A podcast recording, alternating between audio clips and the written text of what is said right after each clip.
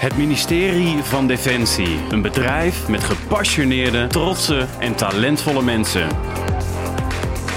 In deze podcast verbinden wij deze mensen zodat ze samen sterker worden. Zoek Samen Sterker podcast en luister of kijk via YouTube, Gpal, iTunes, Spotify of Soundcloud. Welkom Annemarie. Dankjewel. We beginnen wel heel snel zo dan, hè? Ja, maar dat is toch prima? Ik vind het wel heel stoer trouwens. Ik zit hier echt bij eh, een van de stoerste uh, militaire vrouwen van Defensie. Uh, kapitein Annemarie Beukers. Ja. Welkom in jouw huis. Ja, in mijn eigen huis. Welkom thuis.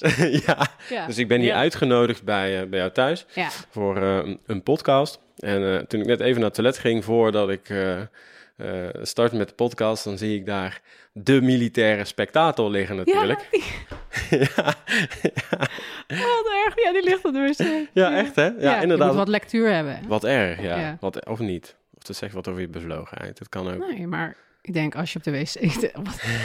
dat het hiermee begint is ook echt uber grappig. ja. ja, maar die ligt daar. Ja, sorry. Ik kon het nee, niet laten. niet. Ik bedacht het me net. Ik zet trouwens even mijn telefoon op vliegtuigmodus. Ja. Um, ja, echt een uh, militair gezin hier, hè?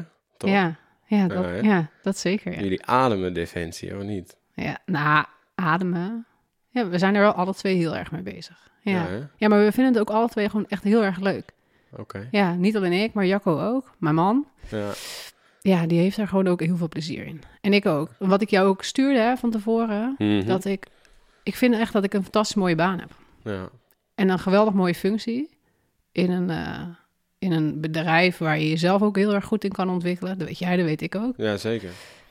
Dus ja, nee, alleen maar um, ja, een goed gevoel daarover. Goed ja. zo. Ja, zeker. Laat me jou even kort introduceren, dat in ieder geval de mensen die luisteren ongeveer weten waar we het over gaan hebben. Ja, en dat jij dat ook weet, dat is ook wel leuk natuurlijk. Ja, ja dat is goed. Ja, ik ben benieuwd. um, nou, jij bent PNO-adviseur uh, bij uh, de 11e uh, Brigade Luchtmobiel. Ja. Um, nou, wat mij betreft, als ik jouw scriptie lees en uh, mensen die ik zo uh, in het netwerk een beetje over jou heb uh, horen praten, ben jij echt wel een vrouw die zich onderscheidt door eigenaarschap te tonen. door je echt vanuit een bepaalde passie en intrinsieke motivatie echt keihard in te zetten voor het bedrijf. Je geeft workshops over soft skills, je bent bezig met leiderschap. Om um, ja, eigenlijk op het gebied van doorontwikkeling, loopbaanbegeleiding, correct me if I'm wrong, um, leidinggevende dan wel medewerkers uh, uh, verder te helpen vanuit jouw rol als PNO-adviseur. Ja. Um, nou, dat doe, je, uh, dat doe je hartstikke goed. We gaan daar zo dieper op in. Um, waar ik het in eerste instantie over wil hebben is jouw scriptie. Ik, ja. heb, ik heb met veel plezier jouw scriptie gelezen gisteren. Ja. En wat er aan de voorkant op staat is de maatregelen die 11 Luchtmobiel kan nemen om manschappen langer te behouden. Te behouden. Ja. Um, Weet je, uh, volgens mij kunnen we hier heel veel mensen met deze podcast inspireren met wat jij onderzocht hebt met een, met een team van mensen, ja. zoals ik het las. Um, en ik uh, weet zeker dat een hoop van die dingen die in die scriptie staan, we kunnen helaas niet helemaal bespreken, want we zijn we... zijn we er even bezig? Je bent flink bezig geweest. Ja. Um, maar ik denk dat heel veel mensen hier, leidinggevende, PNO'ers, loopbaanbegeleiders, hier heel veel aan kunnen hebben aan de tips die jij uh, in deze ja, podcast ik, gaat ik geven. hoop het. Ja. Nee, dat, ik weet het zeker. Echt waar. Um, en daarna ben ik ook heel erg benieuwd. Uh, we hebben een keer met elkaar ook... Uh, we hebben elkaar al vaker gezien. Ja. Een keertje bij een netwerk gebeuren en, en een keer aan de telefoon gehad. Yes. En toen zei je volgens mij ook van... Goh, uh, voor mij is het ook zeker niet altijd makkelijk geweest. Ik was ooit ook uh, onderofficier. Nee, corporaal. Corporaal Ja, ook, hè? Ja. Ja. net als mij. hè? Ja. ja. Ja, schept een band, hè? Ja, man. Goed, hè? en uiteindelijk ben je dus um, uh, nu kapitein. En Ja. dat, dat, dat, ja, goed, dat is vast ook niet altijd even makkelijk geweest. Nee. En dan ben ik ook heel benieuwd naar jouw eigen drijfveren. Dat je vandaag uh, hier de vrouw uh, en militair mag zijn die jij uh, vandaag de dag bent. Yes. Dus dat even in een grote Nou, hoe goed. introductie. Ja. Dus bij deze, ik wil wederom minder aan het woord zijn dan jij. Dus vertel wie jij bent. En wat ik doe. En Yes. Nou ja, zoals gezegd, Annemarie Beukers, um, 37 jaar, moeder van twee kinderen. Uh, van 10 en 7, Sascha, mijn dochter, en Vince, mijn zoon. Getrouwd met Jacco, ook militair, zoals eigenlijk net aan het begin al aangehaald. Uh, en uh, woonachtig hier in het fantastisch mooie Beekbergen. Mhm. Um, en werkzaam als PNO-adviseur in Schaarsbergen. Ehm, waarbij, nou, net ook al even kort al van tevoren over gehad, hè, dat Beekberg, Schaarsberg is prima te bereizen. Dus voor mij is dat, aangezien ik fulltime werk, vier dagen in Schaarsbergen, prima te doen. Ehm, want ja, ik heb de zorg van de kinderen natuurlijk. Jacco die zit door de week in Den Haag. Dus ehm, eh, ja, dan ligt de verantwoording voor de kids op mijn schouders. Dus dan is het ook wel fijn dat je wat dichterbij zit. Zeker nu ze nog wel wat jong zijn. Ehm, maar werkzaam als PNO-adviseur bij het 12e en bij 11 GNK. Uh, luchtmobiel. Super gave eenheden om uh, te ondersteunen. Want dat is wat ik als PNO-adviseur met name doe. Hè. Het ondersteunen van de lijnen, het ondersteunen van de leidinggevende, de commandanten van de ja. eenheden. En ik, ja, ik ben misschien inderdaad wel wat anders dan de reguliere PNO-adviseurs. Maar het komt ook echt met name door hoe ik me heb ontwikkeld. Ik ben op mijn zeventiende begonnen binnen Defensie. Deze maand is dat 20 jaar geleden. Gefeliciteerd. Ja, wat een end. Ja, ja joh. Ja, niet wat normaal. een gek, hè? Ja, en ik had, eerlijk is eerlijk, aan het begin nooit gedacht dat ik ooit 20 jaar hier zou werken. Echt toen ik net startte. Nou, wat uh, zou je gaan doen zijn? Uh, gewoon even benieuwd. Ja, ik wilde dus, ja, dat klinkt echt heel snel. Nagelstilisten. Nee, ik wilde gymjuf worden. Ik okay. wilde heel graag nou, dat komt nog worden. enigszins in de buurt. Ja, maar ik wilde gymjuf worden op een uh, basisschool. Um, en eigenlijk ben ik uiteindelijk door mijn vader ben ik het leger ingegaan. Die had altijd fantastisch mooie verhalen aan de keukentafel thuis over zijn dienstplicht. En toen ik zei, hey, pap, ik, ik weet niet eigenlijk goed wat ik wil. Toen uh, zei ik, nou weet je Annemarie, ik was heel veel bezig met sport. Dat doen ze in het leger ook. Ga lekker uh, naar de banenwinkel, hè, hadden we toen nog. En uh, nou, die ken jij misschien ook nog wel van vroeger. Like old times. Ja, dus zo gezegd, zo gedaan. Naar de banenwinkel. En ik startte uiteindelijk dus op 31 januari 2000. Uh, slecht weer. Oh, dat is makkelijk te onthouden. Ja, Heerlijk. Ja, 31 januari 2000 is de, was mijn eerste dag. En toen had ik dus echt niet gedacht dat ik 20 jaar later hier zou zitten. Ja. Nog in dit pak. Um, met hetgene wat ik nu doe. Maar als kapitein. Hè? Ja, als kapitein. Dat had je helemaal niet verwacht. Nee. Nee, maar hetgene, zeg maar, hoe ik nu in de wedstrijd sta, als militair zijnde en als kapitein PNO-adviseur, komt met name door de basis die is gelegd door de 14 jaar dat ik manschap ben geweest. Mm-hmm. Omdat ik, ik weet als geen ander hoe het is om op de werkvloer te zitten en niet te weten wat je mogelijkheden zijn, of verminderd te weten wat de mogelijkheden zijn. Uh, dat er altijd lagen tussen zitten, um, filters op informatie. Um, en dat maakt ook dat ik heel erg actief wil zijn om juist die mensen ook te bereiken en ook juist die informatie daar te doen laten komen. En om leidinggevenden dus ook echt te inspireren om zich ja, op die manier in te zetten voor hun werknemers. Ja. Um, was dat dan ook van jou een, uh, een uh, eigen tekort? Uh, goed, ik ken, ken, je helemaal niet, dus ik stel alle vragen. Maar ja, die, die, nee. die drive bij jou en die passie, kom, waar, waar, komt dat vandaan om mensen verder te helpen in hun loopbaan, ontwikkeling, et cetera?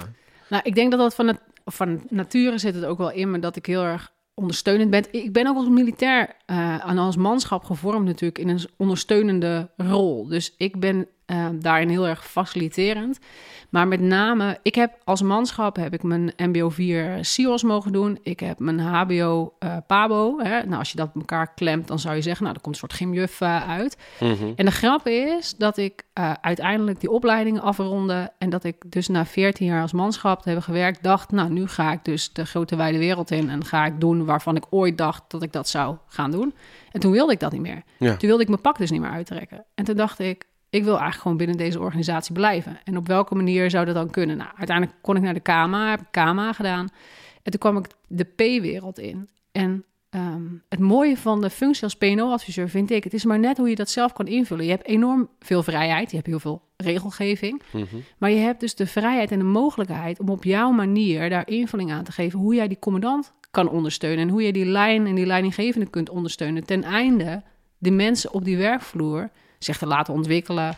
Um, te kijken op welke manieren je kan doorstromen binnen onze organisatie. Of op een juiste manier buiten de organisatie kunt helpen. Ja. Ook om als ambassadeur weg te zetten voor onze or eigen organisatie.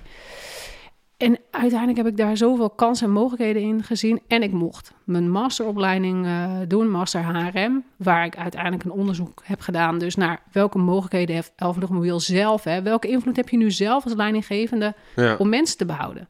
Ja, en die uh, studie, daar ben ik zo uh, actief mee bezig geweest. En ik heb toen ook al direct gezegd. En nu nog steeds. Ja, nou, dat is dus ook echt mijn overtuiging. Ik wilde vooral niet dat ik mijn studie had afgerond met een masterthesis die daarna ergens in een bureau terecht zou komen. Ja. Ik vond ook echt dat de dingen die ik had opgeschreven, hè, samen met, want ik heb het echt niet alleen gedaan. Wat het mooie vond ik, dat ik uiteindelijk de brigadegeneraal werd mijn opdrachtgever. En ik heb met hem ook gesproken op welke manier zou de acceptatie binnen de brigade zeg maar, het hoogste zijn om alles ehm, wat ik aan aanbevelingen aangeef ook te kunnen implementeren. En de conclusies dat die ook gedragen worden. Ja. En ik zei ook, dat kan ik wel vanuit mijn, de zaakjes Ivoren Toren gaan vertellen. Dat ik zeg maar in Splendid Isolation een, een, een thesis uh, maak. Maar ik wilde dus een, een soort actiegroep hebben. Ik wilde een vertegenwoordiging hebben, een dwarsdoorsnede van die brigade. Die mij ook ging vertellen ja, wat er op die werkvloer leeft. En de vragen die wij hadden, dat zij die bij hun eenheden weg konden zetten. Zodat we ook echt de eerlijke en ja, oprechte antwoorden daarop kregen. Maar voordat je, voordat je gelijk helemaal de diepte ingaat, hè, want je bent zo gepassioneerd. Um, wat, wat, wat, wat maakt dat een, dat een voor, hè, je bent corporaal geweest, manschap geweest. Ja.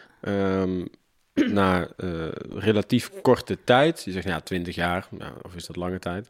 Maar in ieder geval dat je in staat bent geweest om uh, met een brigadegeneraal aan tafel te zitten. Um, zeggen van hallo, we moeten er zijn voor de leidinggevende. Ja. Um, uh, we hebben heel veel, dat las ik ook, echt het super leiderschap ook uh, binnen Luchtmobiel. Um, maar op het gebied van loopbaan en dergelijke uh, zag jij nog dingen die nog beter konden. Ja. Um, wat maakt dat jij al die mensen aan tafel krijgt, joh? Hoe doe je dat? Nou, het is niet hallo, luister even naar mij, dat zeker niet. Het is meer als je op de juiste nou, wijzes als je de juiste dingen weet te raken en ook uh, daarin nou, oplossingsgericht of in ieder geval onderzoeksgericht bent. Je kan wel iets aankaarten, iets wat niet goed is, mm -hmm. maar als je daarna zelf niet laat zien dat je de intentie hebt om daar iets mee te doen, um, dan, dan denk ik dat mensen daar ook het geloof niet in hebben. Maar als je laat zien dat je ergens onderkent dat er een gat zit of dat er mogelijkheden liggen, hè, want dat ja. is het met name.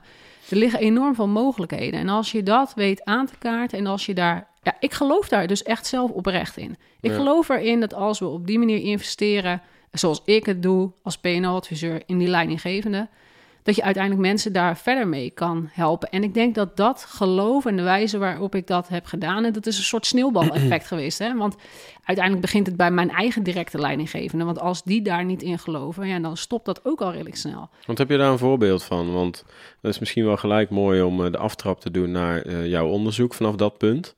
Hè, dus uh, uh, je onderzoeksvraag, en uh, nuanceer hem even, maar wat er op de voorkant in ieder geval van je scriptie staat, is kort gezegd, hoe kunnen we onze manschappen behouden? Ja.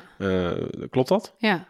ja. Um, als, als we dat dus als startpunt gebruiken, hè, ja. van, um, van, van het inhoudelijke gedeelte van het gesprek in ieder geval. Ja. Um, welke gap zag jij om jou heen? Je was toen al PNO-adviseur. Ja, kun je, ja, ja, ja. Dus, dus wat zag jij in het werkveld waar jij dacht, daar kan ik het verschil maken? En hoe, hoe ben je dat aangevlogen? Nou ja, waar... Om mensen te inspireren Ja. ook, hè? Die gap zien, die denken, ik zie het allemaal wel, maar ik vind het spannend, ik vind het eng, ik vind het lastig, ik weet niet waar ik moet beginnen. Ja. Hoe deed jij dat? Nou, de grap is dat die gap er eigenlijk misschien nog wel deels eh, ook is. En ik probeer die nu nog steeds te verkleinen, zeg maar. Maar wat ik heb gezien en ik heb met die... Nou, dat, dat begon ook weer met die actiegroep. We hebben gekeken naar het leiderschap. Het leiderschap binnen 11 luchtmobiele brigade. En die werd echt in het uh, uh, werknemerstevredenheidsonderzoek als, als goed betiteld, als goed bestempeld. En toen hebben wij ook gekeken, oké, maar wat wordt er dan ook als goed bestempeld. Weet je, tactisch, strategisch, Ja, fysiek. waar, waar bestaat het Ja. mede, uh, medewerkstevredenheidsonderzoek ook uit? Ja, maar en, en, en waarop baseren zij dat zij hun leidinggevende, zeg maar, het predicaat goed geven? Want ik geloof ook echt dat die, dat die gasten, die mensen, ook echt heel goed zijn. Uh, maar waar ligt dan nog de mogelijkheid om het verschil te maken als we het hebben? Wat kan je nu zelf doen aan het behoud van personeel? Ja. En de leidinggevende is daar centraal in. Ja.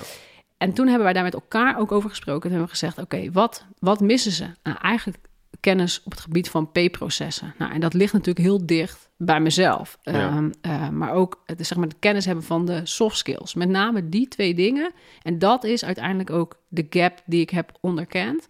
En waar ik zelf dus actief mee aan de slag mee ben gegaan. En dat is, nou ja, toeval of niet, maar dat is de mazzel die ik heb gehad. Doordat ik zelf daarmee aan de gang kon gaan en niet afhankelijk hoefde te zijn van andere mensen met expertise die ik zelf niet had. Ja. Ehm, daardoor kon ik dat vrij snel op gaan pakken en ehm, ja, eigenlijk dat geloof gaan uitdragen. Want dan hebben we kennis B-processen Ja, en aan de andere kant soft skills. ja, Kun je dat eens een klein beetje nader toelichten? Ja. Eh, laten we beginnen bij soft skills. Ik denk dat de meeste mensen, zeker eh, eh, de, de, de, de, de wat stuur, stoerdere mensen, die denken wellicht soft skills. Hallo, ja. een militair bedrijf. Wij doen niet aan soft. Dat is natuurlijk een grapje. Maar kun je dat eens definiëren? Nou, die connotatie is er wel. Hè? Want wij, hebben daar, we zijn er dus nu, as we speak, eh, binnen de PD, personeelsdienst van Luchtmobiel, actief mee bezig. En toen hebben we gezegd, oké, gaan we dan de term soft skills gebruiken of gaan we een andere term gebruiken? En we hebben nu gekozen om sociale leiderschapsvaardigheden, zeg maar, die benaming eraan te geven. Ja. Dus jij zegt het, gekscherend, maar het, het werkt wel. Want het woordje soft, ja, die vertaling daarvan, ja, mensen die hebben dan toch zoiets, ja, ik weet niet of ik daar dan wel iets mee zou willen. Terwijl iedereen komt daarmee in aanraking. Ja, weet je, vanuit, vanuit een bepaald perspectief, eh, we zijn ergens allemaal soft. Ehm, ehm, eh, als we thuiskomen en het is even zwaar en het mag er zijn. Maar tegelijkertijd kan ik ook wel de associatie bij mensen denken die denken, nou dat heeft niet heel veel slagkracht of eh, snap je? Dus ik, Ja, ik snap ook de tweestrijd bij Ja. mensen die denken soft skills. ja. Maar ehm, ondanks het naampje wat we eraan geven, wat, wat houdt dat precies in? Jij zag, er is gebrek aan soft skills op de werkvloer. Dat Nou, is, de- zeg maar de bewustwording van het gebruiken van soft skills. En eh, als we het over soft skills hebben, dan heb je het over ehm, intrapersoonlijke, interpersoonlijke vaardigheden. Dus we hebben het over zelfreflectie, we hebben het over luisteren, we hebben het over empathie, we hebben het over nou, communiceren in het algemeen. Ehm, we hebben het over doorzettingsvermogen, over je kwetsbaar opstellen. Maar dat zijn geen dingen die je verwacht als je bij de banenwinkel eh, vroeger of nu via internet solliciteert op een baan als, eh, als eh, ehm, eh, infanterist binnen de luchtmobiele brigade. Ja, maar dat is dus denk ik juist hetgene ehm, wat de verkeerde opvatting ook is. Want juist dat moet er ook zijn. Er moet ook gewoon geluisterd worden naar wat die mannen en vrouwen te vertellen hebben. En er moet ook. en daarin onderken ik zeg maar, als we het hebben over leiderschap, eigenlijk een soort tweedeling. Want wij worden als leidinggevende binnen onze organisatie getraind als leiding, leidinggevende op het, gevechtsveld. Precies, wij moeten leiderschap kunnen Ja. tonen op het gevechtsveld. Ja. Maar dat is eigenlijk ander leiderschap als dat je toont als je zeg maar in de vredesbedrijfsvoering achter je bureau zit, eh, bezig bent met PeopleSoft. En als er, ik zeg altijd, als er een kerel 's morgens wakker wordt en die heeft bedacht, ik ga een MBO 3 beveiliging doen. Ja. En die huppelt naar zijn leidinggevende toe, naar zijn groepscommandant of zijn pelotonscommandant en die roept, ik wil graag een studie gaan doen. Ja, En dan hoef je echt geen leiderschap op het gevechtsveld te tonen. nee. Nee, dan heb je daar andere skills voor nodig. Maar ja, de vraag is, geven we die mee in de initiële opleidingen? Hè? Trainen wij die mensen erop? Leren wij die mensen die skills aan? Of hoe we die moeten inzetten? En ik denk dat daar dus echt een grote verbetering in te maken is. Maar Ja. wat er in de initiële opleidingen ehm, aan soft skills worden gegeven... of aan kennis van P-processen wordt gegeven... dat ligt ver buiten mijn invloedssfeer Ja. daar heb ik het wel met mensen over. En op die manier probeer ik wel wat aan touwtjes te trekken. Maar ik moet dus kijken hoe zit dat in de eenheden die ik zelf als PNO-adviseur bedien. Nou, en op die manier ben ik daar uiteindelijk mee aan de slag gegaan. Want jij zei net, oké, wat houdt soft skills dan in? Ja. Maar ik denk dat soft skills en P-processen, de kennis van P-processen, bijna in elkaar invouwen. Mhm. En het mooie is dat ik ehm, ik ben uiteindelijk in contact gekomen ook met het ECLD, het Expertisecentrum Leiderschap Defensie. Ehm, wat echt een supergoed nou, instituut is binnen onze organisatie. Mhm. Ehm, die fantastisch mooie producten maken. Die hebben het team effectiviteitsmodel eh, bijvoorbeeld, eh, maar ook eh, de visie leiding, leiding geven, Defensie. Ehm, en met hun ben ik ook in gesprek gegaan en gevraagd: hoe zien jullie dan die soft skills? Ja. En ik dacht, nou, in eerste instantie dacht ik, nou, we hebben de harde skills, hè, de groene skills. eh, Ja. Hoe treed je op eh, in, eh, in het bos bijvoorbeeld, op, Ja. op uitzending. Ja. En je hebt de soft skills. Hoe ga ik om met PeopleSoft? Hoe ga ik om met de mensen? Hoe hou ik mijn functioneringsgesprekken? En zij hadden echt nog een verdiepende laag daaronder.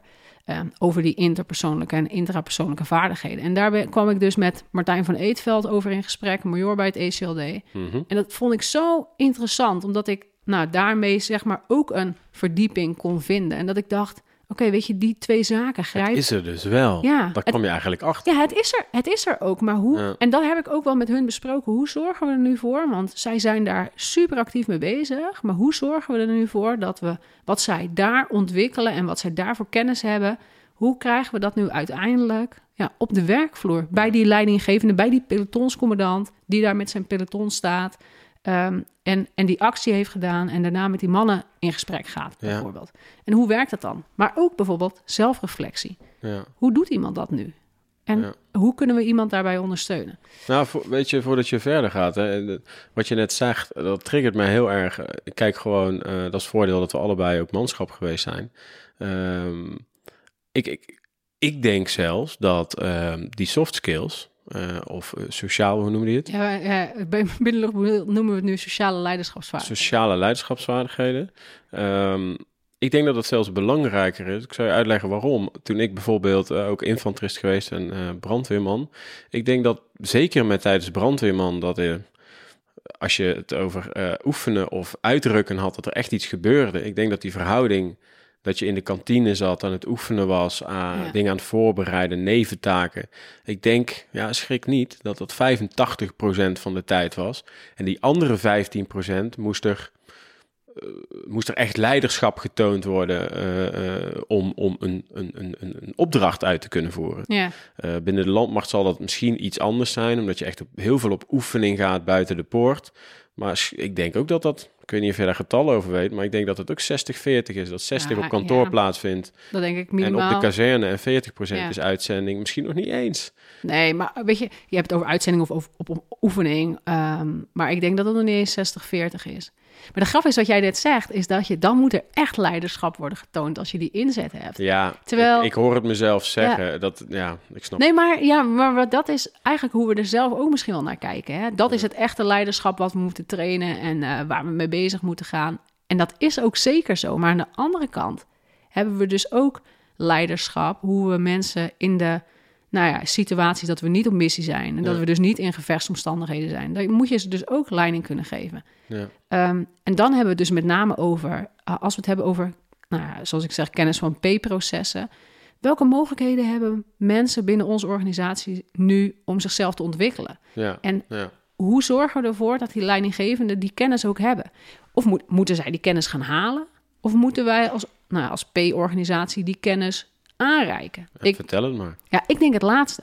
Want ik denk met name dat leidinggevenden weten de helft, denk ik niet wat er mogelijk, mogelijk is. Dus als je niet weet wat er mogelijk is, ga je daar ook niet naar vragen. Dus als je het schip van Columbus nog nooit hebt zien liggen, dan weet je ook niet hoe het eruit ziet. Nee, Dus eh, je moet ze wel eerst aan kunnen bieden van, god, dit is er mogelijk, ja. voordat ze daarop kunnen reageren. Ja, kijk, en, eigenlijk. ja, en we- vanuit, eh, we hebben natuurlijk de P-flesjes en de L-flesjes. We hebben natuurlijk heel veel, eh, zeg maar, mail, digitaal, op intranet. Maar het is toch anders dat er iemand voor een groep staat ehm, of bij jou op kantoor staat en jou Mhm. vertelt hoe jij nu met die man en vrouw in gesprek kan gaan. Of hoe jij nu een functioneringsgesprek kan houden. Of Ja. een beoordeling moet opmaken. Of als je echt ervan overtuigd bent dat iemand niet functioneert, hoe je een, een dossier opbouwt Ja. om iemand uiteindelijk voor te dragen voor ontslag. Dus eigenlijk zeg jij, er miste al jaren een laag. Eh, want wat je zegt inderdaad, ik als manschap, er zijn nu allerlei goede initiatieven, hè, omdat ik ook op een ander niveau in de organisatie werk. Eh, een niveau kunnen we het trouwens ook maar over hebben, maar op een andere plek in de organisatie, waardoor ik de P&O-flesjes, rep, eh, boost, ik zie al die dingen nu voorbij komen. En als ik mij terugplaats naar mijn tijd als manschap, ehm, zeker bij de landmacht waren er drie computers beschikbaar voor Ja. een... eh, dat is nu wel beter, denk ik, voor een compie van 160 Ja, dat is nu inderdaad wel iets verbeterd. en dan maar- zou ik echt serieus, zeker in die tijd, eh, zou ik heel blij geweest zijn met een, eh, een, een PNO-adviseur zoals jou, Annemarie, die op de werkvloer kwam vertellen wat er allemaal mogelijk was. Is dat wat je eigenlijk probeert te zeggen? Ja, en wat ik doe, is dat ik niet letterlijk op de werkvloer sta. Maar wat ik doe, ik, eh, en dat heb ik met name vorig jaar voor 12 gedaan. En dat ga ik dit jaar ook weer doen voor 12 en ook voor 11 GNK. Mhm. ehm, is dat we, ik noem het PNO-thema-sessies voor leidinggevenden organiseer. Ehm, en daar mogen alle leidinggevenden bij zitten van die eenheid die maar aan wil haken. Ook de leidinggevende corporaal, zoals dat de wens is. Ja. En met hen ga ik de actuele PNO-informatie doornemen. Ehm, zij krijgen, niet van mij, maar van de loopbaanbegeleider die bij de eenheid hoort, krijgen ze actuele loopbaanbegeleidingsinformatie. Dus welke informatie is er op dit moment essentieel voor die man en vrouw om te weten? Daar zorgen we op die manier mee dat we die informatie verstrekken. En dan pakken we altijd een PNO-thema. Ja. Ehm, en daar verwe- verweven we eigenlijk die soft skills ook in. Dus Gek die dat manier. je dat doet, man. Ja, Maar echt, ja. Nou. Ja, nee, maar weet je, ehm, ik- denk dat ehm, meer PNO'ers ehm, eh, dit zouden moeten eh, omarmen. Moeten willen omarmen, want je kan het niet van iedereen verwachten dat ze natuurlijk eh, op een voetstuk gaan staan. in ieder geval op een podium gaan staan, niet op een voetstuk. En dat over de bühne brengen, wat jij wel kan. Maar wat wil jij de PNO'er ehm aanraden? Ehm, eh, natuurlijk om contact met jou op te nemen. En eh, dat jij eh, hun instrueert van god, zo kan het ook. En als je dit eens doet binnen je eenheid, binnen de dertiende, weet je wel, binnen, binnen zeventiende, binnen er zijn genoeg clubs. Misschien wel door heel Defensie heen. Wat, wat, wat zou jij ehm, de PNO aan willen raden? Nou, zal ik je een mooi eh, voorbeeld geven. Want de, het leuke is dat we in Schaarsbergen nu ook echt dit in idee, zeg maar, of zeg maar, ehm, hoe, we dit, hoe ik dit aanloop, eh, met z'n allen hebben omarmd. En dat het niet alleen PNO is, maar dat het ook echt loopbaanbegeleiding is. Ehm, en dat dat op die manier met elkaar samenwerkt en in elkaar valt eigenlijk. Ja, en daarvoor, kijk, hebben het net gehad over de, de term soft skills. Ehm, maar de eh, softe kant van leiding geven is de lastige kant om ook acceptatie op te hebben. Want vaak hebben we het over de harde skills, de technische Ja. skills. En op een gegeven moment hebben wij gedacht ook, oké, maar wat is nou de manier om die acceptatie bij die eenheden te krijgen dat ze denken, hey, dit is hetgene waar wij mee aan de slag moeten gaan. En binnen Luchtmobiel hebben wij, wij noemen dat VTL, voor met trainen Luchtmobiel, onder leiding van, ehm, die ook weer gelieerd is aan TGTF. En die is actief bezig om, ehm, zeg maar, het gereedstellingsproces wat we kennen, ehm, ook los te koppelen met de fysieke componenten. En naast de fysieke componenten koppelt hij daar ook de mentale component aan. En ik ben met daar ook over in contact gekomen. Ik zit in die werkgroep en ik heb gezegd: hey, als we nou die soft skills aan die mentale component weten te, eh, te klikken, zeg maar. ja, ja. En we gebruiken VTL, wat met name ook fysiek dus georiënteerd is, Ja. gebruiken we als een soort groen omhulsel. Wat we ehm, om dat soft skills heen doen en op die manier aanbieden bij de eenheid. Meer Wat- draagvlak ook. Ja, ja. maar zij denken, zij denken, het is een groen omhulsel en daarin zit soft skills. En daarmee proberen we nu die acceptatie eh, binnen de brigade in ieder geval hoger te krijgen. Ja. Want het Maar heeft dat iets met generaties te maken dat het zo nodig is? Ik vraag me dat altijd zo af, hè. Voor mij is het, eh, ik, ik vond het ook heel erg dat ik me net versprak. Want leiderschap zit hem zeker in. Kijk, als jij je mensen niet meekrijgt op de werkvloer, eh, dan gaan ze je later in het gevechtsveld tussen aanhalingstekens ook niet meer eh, geloven. Dus eh, leiderschap is natuurlijk één ding en dat heeft twee uitersten. ja, En dat is misschien het ene uiterste, de eh, wat meer sociale aspect. En het andere uiterste is het meer eh, drillmatig. we gaan nu links zwenken en weet je wel, vuren vrij bij wijze van spreken. Eh, maar wat maakt dat we het allemaal zo moeten vergroenen voordat het pas aankomt bij... Wat heeft dat mee te maken? Ja, ik denk dat het ook wel deels met, of met generaties te maken heeft. Met vorming eh, te maken heeft. Hè? De, de komst van de generatie Z. Hè? De generatie die, nu, die we binnen willen halen en binnen willen houden. Daarvan moeten we ook weten, wat zijn nou de behoeftes van die mensen? Waar Ja. los, en dan los van onze eigen eh, regelgeving en onze eigen eh, doctrines. Dat, we dat, dat moeten we niet loslaten. We moeten wel kijken, oké, hoe passen zij daarin en hoe passen wij ons ook op hen aan? Want uiteindelijk willen we ze wel binnenhouden. Mhm. Kijk, binnenhalen is één.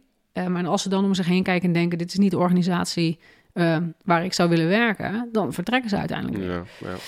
Dus ja, ik denk dat dat daar dus ook mee te maken heeft met, met die generaties. Maar het heeft ook, ehm, en misschien heeft dat ook wel te maken met wapendienstvak.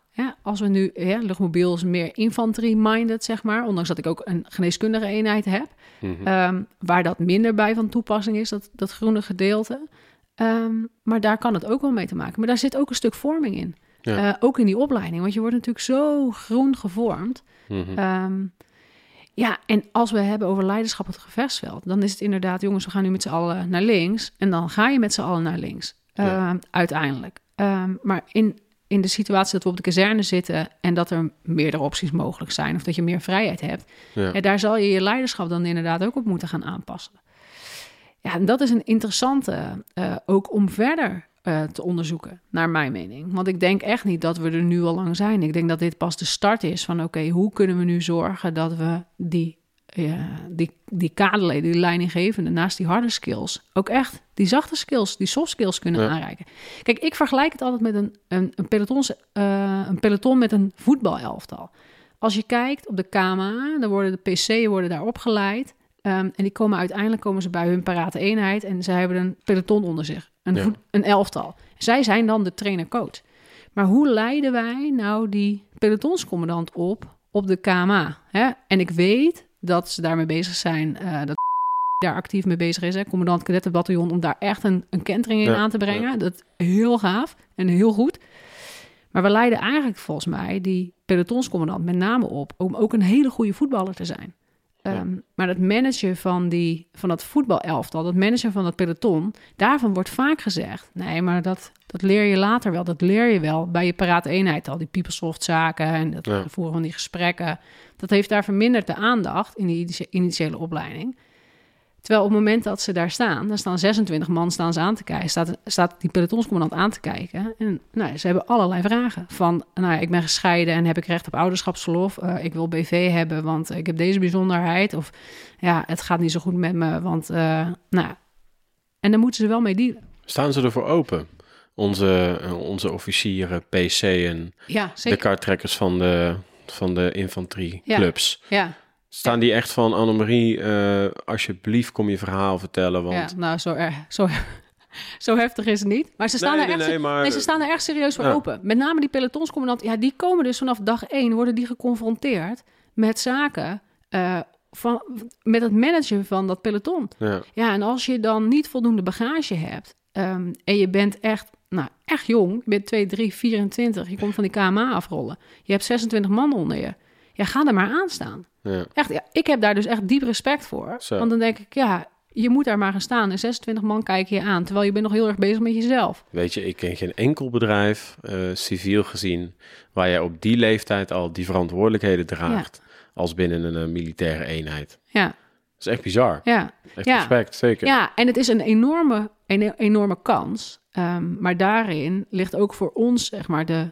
de verplichting om ze daarin goed te begeleiden. Ja. Ehm, ja, en ik ben, ik ben daar echt super enthousiast over dat die gasten naar me toe komen en roepen: Annemarie, top, weet je, ik ben zo blij dat je dit initieert, dat je ons die informatie geeft. Ehm, en ik hoop dus, en dat gebeurt dus nu in Schaarsbergen eh, binnen Luchtmobiel, dat overige PNO-adviseurs dat ook op die manier gaan doen. En ik wil echt niet zeggen dat ik de waarheid in pacht heb, zeker niet. ja. Maar als we niets doen, weten we zeker dat ze informatie missen. Dus we moeten gewoon gaan kijken hoe kunnen we ze op die manier het beste daarin ondersteunen. Ook voor, voor onze eigen professionaliteit als, als PNO-adviseur, als P-organisatie, als loopbaanbegeleider. ja. Je kan daarin zo het verschil maken. Heb je al een paar eh, misschien leuke... We zitten nu natuurlijk al een klein beetje aan de achterkant van jouw eh, scriptie. Dus er zijn een aantal dingen uitgekomen. En dat heeft gemaakt dat jij dacht... eh, we moeten aan de, aan de slag... Ik blijf het even soft skills noemen. Ja. Eh, en we moeten aan de slag met eh, eh, meer eh, ehm, educatie als het gaat om P-processen. Ja, Dat is al een stukje aan de achterkant. Dus ik wil zo nog even terug met je naar de voorkant, Ja. waar jouw scriptie ongeveer over gegaan is. Ja. En een aantal quick wins, die, ehm, eh, want daar zijn mensen toch wel op na op zoek. Wat kan ik morgen al doen? ja, Ehm, maar ik wil nog heel eventjes kort met je, ook even de samenvatting van, dus eigenlijk komt het erop neer dat jij onderzoek gedaan hebt eh, in ehm, 2017. Ja. Heb je jouw scriptie afgerond, daar zijn een aantal zaken uitgekomen. Dat heeft gemaakt dat jij dacht, oké, eh, ik wil meer eh, eh, eh, op de voorgrond middels workshops. En die noemde je ja PNO-thema-sessies. PNO-thema-sessies. Wil jij eh leidinggevende ondersteunen om eh, eh, eigenlijk op antwoord op je onderzoeksvragen om de mensen binnen te houden. Ja, Eh, want het is heel hard nodig. We hebben heel veel vacatures. Ja. Dus eh, eh, als we dan terug naar de voorkant gaan. eh, jij ging aan je onderzoek beginnen. Ehm, ik heb een paar dingen ervan gelezen. Dat ging over socialisatie en Ja. maar op. Wat waren even in een notendop de hoofdthema's die je onderzocht hebt? Ja. En dan daarna, wat kun je daar, wat is er uitgekomen en wat kunnen de mensen morgen al doen? Je had het over een middellange termijn en een lange termijn. Eh, wat is er een beetje uitgekomen? Dat de mensen eager zijn en zeggen, wow, holy crap, ik wil gewoon eventjes die, uh, die scriptie van Annemarie toegestuurd krijgen, want daar heb ik wellicht als eenheid ook wel aan. Ja, nee, wat, ehm, nou, de, de vier pijlers waar mijn onderzoek op is gebaseerd is het psychologisch contract, hm. commitment, nou, socialisatie, zoals je net al aanhaalde, en leiderschap. Die vier pijlers heb ik dus onderzocht met, met mijn actiegroep. Psychologisch contract, eventjes uh, kort. Ja, een psychologisch contract houdt in um, eigenlijk de verwachting die jij hebt van de organisatie. Um, wij hebben allemaal een psychologisch contract naar onze eigen werkgever. Um, en organisaties hebben vaak ook een psychologisch contract naar hun werknemer. Wat verwacht je nu? Mm -hmm. en dat start al op het eerste moment dat je denkt: hey, dat is een organisatie voor mij. Daar zou ik eventueel wel willen werken. Mijn psychologisch contract ontstond zeg maar door mijn vader, die een bepaald beeld bij mij vormde. Ja. Um, maar dat psychologisch contract kan dus ook worden ja, uh, gebroken. Je kan dus een breuk oplopen in je psychologisch contract. Een, een, teleurstelling kan je incasseren. En uit de theorie blijkt dus ook, en de praktijk dus ook echt, dat leiderschap essentieel is in het, in het lijmen van die breuk. In het ja, tegengaan van die teleurstelling of om dat psychologisch contract bij te stellen. Ja. Um, dus dat is eigenlijk het psychologisch contract. Welk... Hoe stond het met het psychologisch contract? Ja, nou ja, dat, nee, die wordt regelmatig gebroken. Maar dat komt, dat komt. Een voorbeeld is al uh, bijvoorbeeld wervingsuitingen. Dat is een van mijn uh, middellange termijn aanbevelingen, zo uit mijn hoofd. Um, als we het hebben over wervingsuitingen, wat uh, als organisatie brengen wij naar buiten um, qua beeldvorming? Hoe zetten wij onszelf neer? Ja. Bijvoorbeeld, hè, we zetten neer dat je eh, in spotjes dat je curved beeldschermen hebt en de meest fantastische high-tech spullen. De vraag is of dat in de werkelijkheid of dat ook zo is. Ja. En als dat wel zo is, is dat top, hè? Want dan is dat de verwachting geweest van die mensen om dat, dat er aan te treffen. En dat treffen ze ook. Maar als dat niet zo is, dan kunnen ze daardoor teleurgesteld worden. Ja. En dan zal die leidinggevende daarop in moeten spelen. Dus die moet ook echt met die man of vrouw in gesprek. Wat verwacht jij nu van deze organisatie? Wat verwacht je van mij? Wat verwacht je van jouw eenheid? Een goed gedegen functie-introductiegesprek. Juist, ja. Hè, daar hebben we weer een, uh, een pay-skill. Juist, nou ja, inderdaad. Maar als jij het functie-introductiegesprek ziet als het vinkje in het systeem. Mhm. En niet als de meerwaarde om met die man of vrouw in gesprek te gaan en te vragen: wat verwacht je nu? Wat had je verwacht aan te treffen? Ja, ik had verwacht dat ik dit jaar op uitzending zou gaan, hè, bijvoorbeeld. Ja, ja. ja dan moet je dus die verwachting of bijstellen. Uh, en, en aangeven dat er een andere stip op de horizon komt. hey, we gaan dit jaar niet op, op missie, maar let op, hè, mogelijk over twee jaar wel, maar we gaan eerst deze fantastische oefeningen draaien. Of je moet ze in ieder geval daarin bijsturen. Ja. En er zijn dus leidinggevenden die roepen: ja, waarom moeten wij dat doen? En die vraag kreeg ik van de week ook nog. Ja, waarom moeten wij dat doen? Waarom kan, kunnen die wervingsuitingen dan niet worden aangepast? En dan zeg ik ook, ja, waarom ze niet worden aangepast, weet ik niet. Maar ik weet wel, als jij niks doet als leidinggevende, dat kan ook, hè, dat je niks doet. Maar dan weet je zeker dat ze teleurgesteld raken. is gewoon iemand een worst voorhouden. Ja. Uh, ja voor het gewin van het bedrijf. Ja. En dat gaan mensen, zeker generaties van nu. ik noem ze ook wel eens zeker generatie I en de Z die nu binnenkomt. Ja. Ik noem het ook wel eens de ja-maar generatie, ja-maar sergeant. Ja ik heb gezien dat. Ja, nee, er komt, ja, maar sergeant. Ja. Ze zijn veel mondiger tegenwoordig. Ja, ja en de informatie is veel makkelijker voorhanden te, te krijgen met smartphones, met, uh, met social media, met alles, met ons eigen intranet, wat je natuurlijk twintig jaar geleden niet had. Mm -hmm.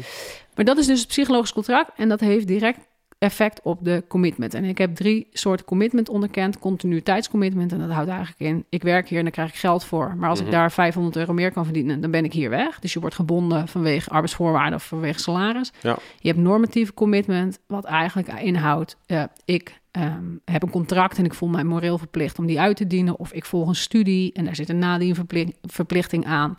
en ik voel mij dus moreel verplicht om daardoor te blijven. Ja. En je hebt affectieve commitment. En affectieve commitment is nou, de, de, sterkste vorm van commitment, maar dat is houden van het pak. Dat groene, ja, dat kameraadschap, dat groene bloed dat door je aderen stroomt.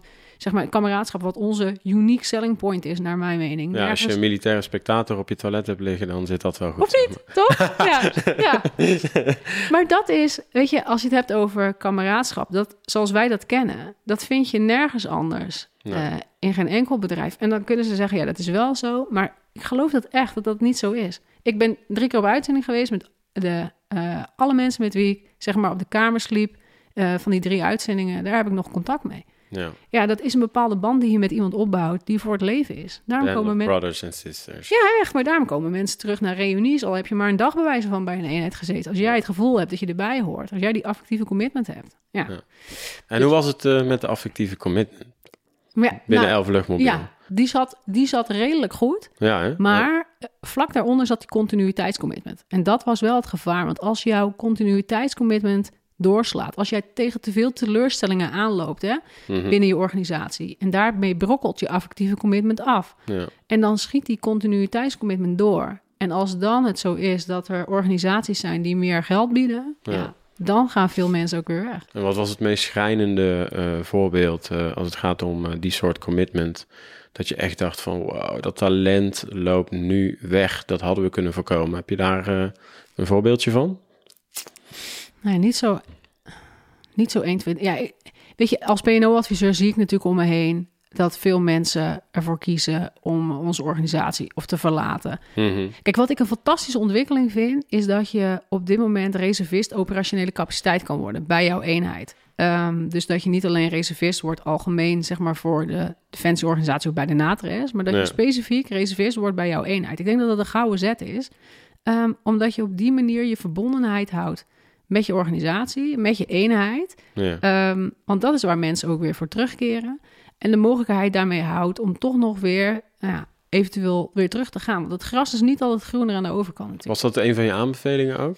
Nee, dat, nee, dat was niet een aanbeveling, maar dat is wel zeg maar, wat ongeveer gelijktijdig met het eh, uitkomen zeg maar, van mijn masterthesis eh, is, ge- is ehm, geïmplementeerd en geïnitieerd. Dat Ja. hele, ja, ROC noemen ze dat reservist operationele capaciteit. Nee, een van mijn aanbevelingen die ik heb gedaan, is dat we dus op eenheidsniveau bezig moeten gaan met voorlichtingen over loopbaanbegeleiding. Dus welke, want dat is dus een van de redenen, een van de hoofdredenen dat mensen weggaan. Een gebrek aan ontwikkelmogelijkheden of gebrek aan loopbaanmogelijkheden. Ja. Terwijl ik ben er echt van overtuigd dat wij binnen onze organisatie echt wel ontwikkelmogelijkheden hebben en loopbaanmogelijkheden hebben. Alleen ze zijn bij lange na allemaal niet duidelijk. Maar wat maakt dat, eh, want eh, je weet, eh, ik heb een tijdje gewerkt als trainer ook binnen het HR-domein. Ja, Ehm, en in die tijd eh, waren we bezig ehm, binnen kwaliteit en innovatie met ehm, de PNO'er van 2020. En er waren dan wat kern, of kernwaarden wilde ik zeggen, er waren wat skills aangehangen. Kan ik niet met het woord komen. Hoe noem je dat? Kwalificaties. kwalificaties, competenties, daar Ja. wilde ik heen. Eh, innovativiteit was het, het waren vijf competenties. Ehm, en toen las ik eigenlijk die competenties. En toen dacht ik vanuit mijn bleuwe hoofd, eh, en als trainer, eh, omdat ik een vrij bevlogen figuur ben, Ja, dacht ik, ja, maar dat zijn toch competenties waar iedere PNO'er aan zou moeten voldoen. En toen kwam ik er eigenlijk achter dat ehm, ehm, de PNO'er, zeg maar, van vroeger, hoe PNO gezien werd, in tegen, te- eh, tegenstelling tot HRM, hè, Human Resource Management, kwam ik erachter dat de PNO'er van vroeger, de wat oudere generaties, en ik ga echt niet zeggen dat er geen oudere PNO'ers zijn die niet, niet die Nee, competenties... eh, eh, ehm, Die zijn er zeker. die zijn er heel veel, Ja. dus daar even voor de duidelijkheid.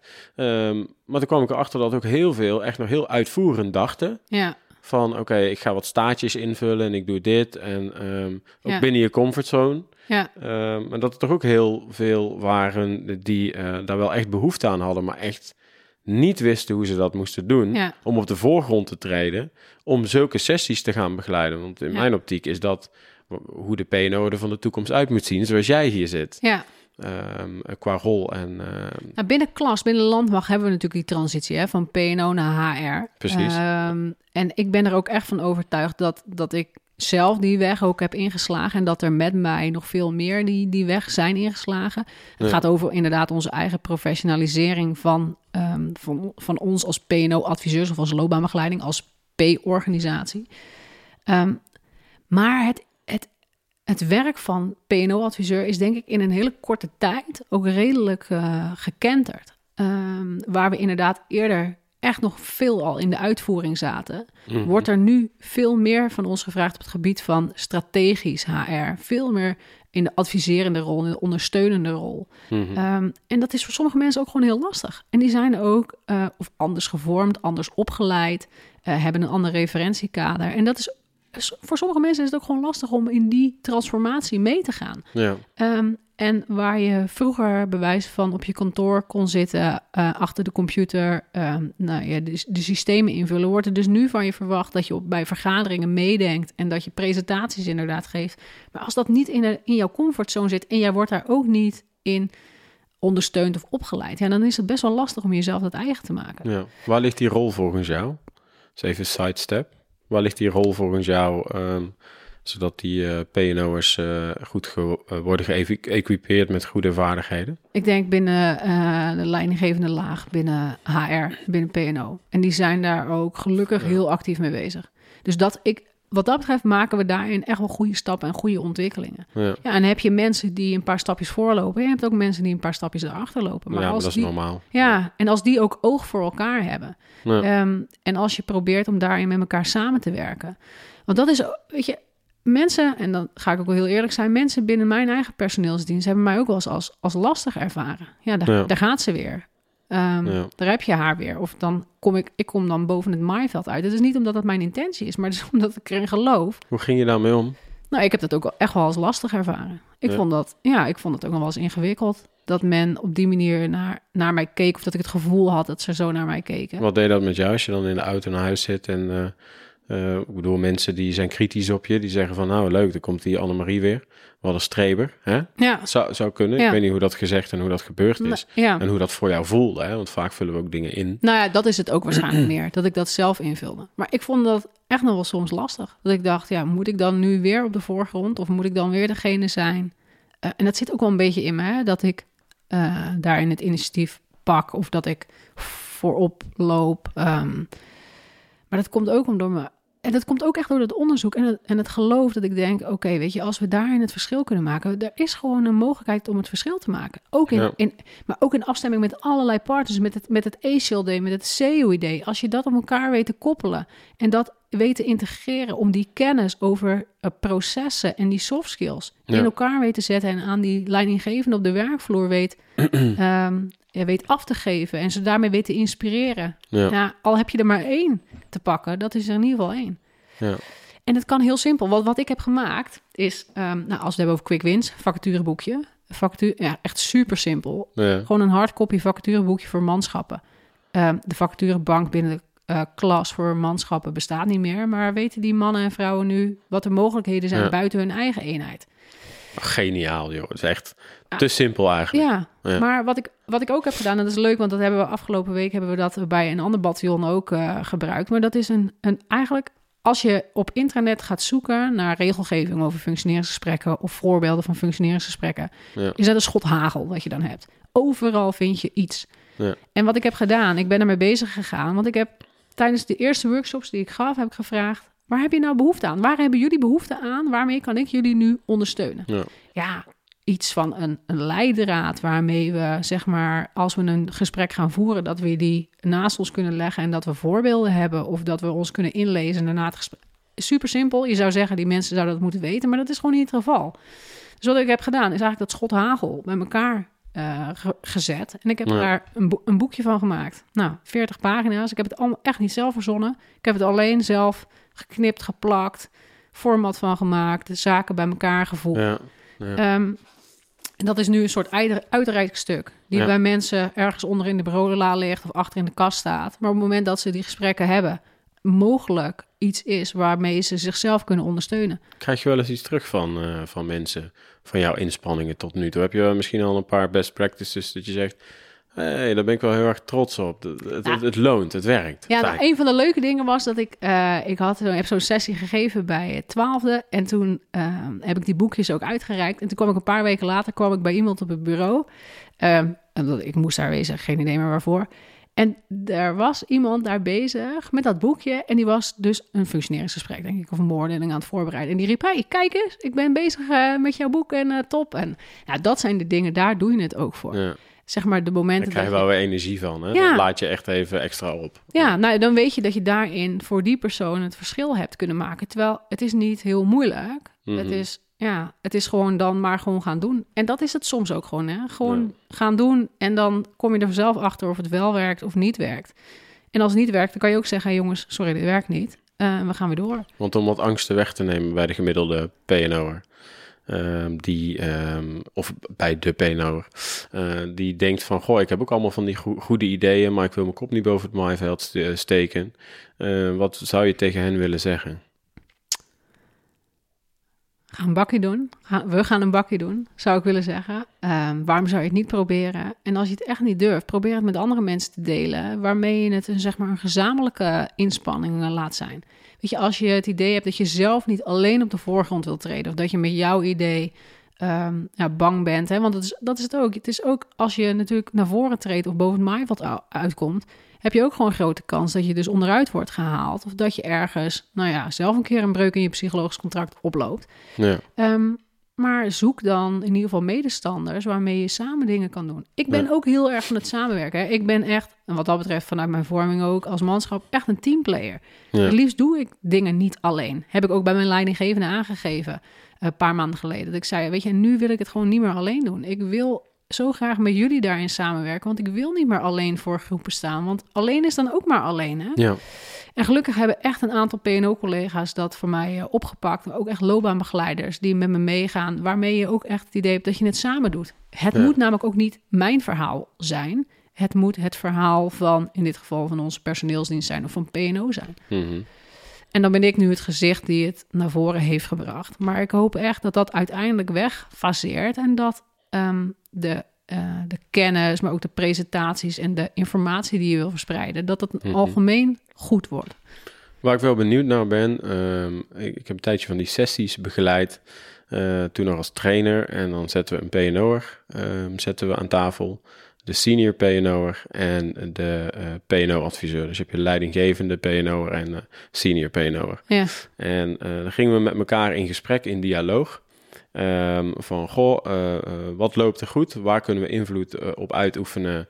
Eh, morgen al, gewoon direct in onze communicatie met elkaar. Het was niet omdat er iets niet goed ging, maar dat was gewoon, eh, dat noemden ze een verbeterd dialoog. ja, Eh, en, en, en wat zou de organisatie moeten doen? Waar lopen we tegenaan in regelgeving, et cetera? ja, En wat ik, ik heb niet heel veel van die sessies begeleid, omdat ik toen snel daarna wegging. Maar wat ik wel gezien en gehoord heb, is dat de gemiddelde leidinggevende binnen Defensie, dat was Defensie breed, heel erg loopt te stoeien.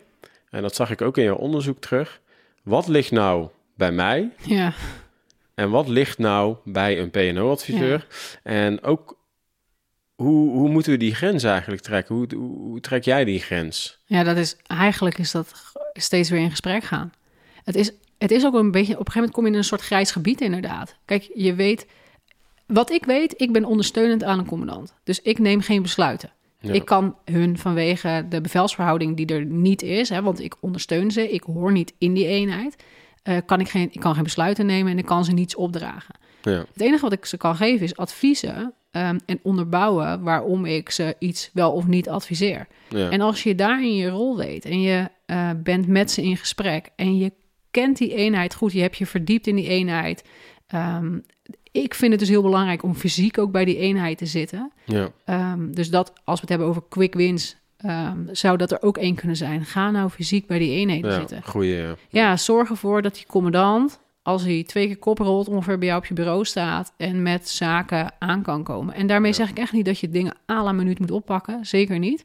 Maar het is zoveel makkelijker en zoveel persoonlijker als via de mail eh, of via de telefoon zelfs ook nog. Ehm, maar ja, zodra, zolang je met elkaar in gesprek gaat en dat je weet wat jouw rol is en wat jouw verantwoordelijkheden zijn als PNO-adviseur, Mhm. dan denk ik dat je daar prima uit kan komen. Ik heb daar in de vier jaar dat ik nu PNO-adviseur ben van 12 en ook sinds nu een klein jaar van 11 GNK nog nooit één probleem mee gehad. Nee, Nog nooit. nee, nee. Te Nee. gek. Hey, Ja. En ehm, eh, je had meerdere punten. Eén punt was ook leiderschap. Ja, Dus we hebben nu gehad, eh, help me even, we ja we hebben gehad psychologisch contract gehad, commitment. commitment Ja. en dan was leiderschap. Ja, leiderschap. eentje. Ja, Wat heb je gezien binnen het leiderschap? ja, nou ja, eigenlijk waar we het net ook over hebben gehad, hè, dat het leiderschap waar men op wordt beoordeeld, met name ook op die harde skills is, hè, op die technische skills, Ja. eh, en waar echt nog mogelijkheden ter verbetering liggen. Want wij zijn groen, echt super sterk. Ja, Ehm, en daar, daar, daar, daar twijfel ik zeker niet aan. Ik denk Ja. dat wij daarin enorm goed zijn.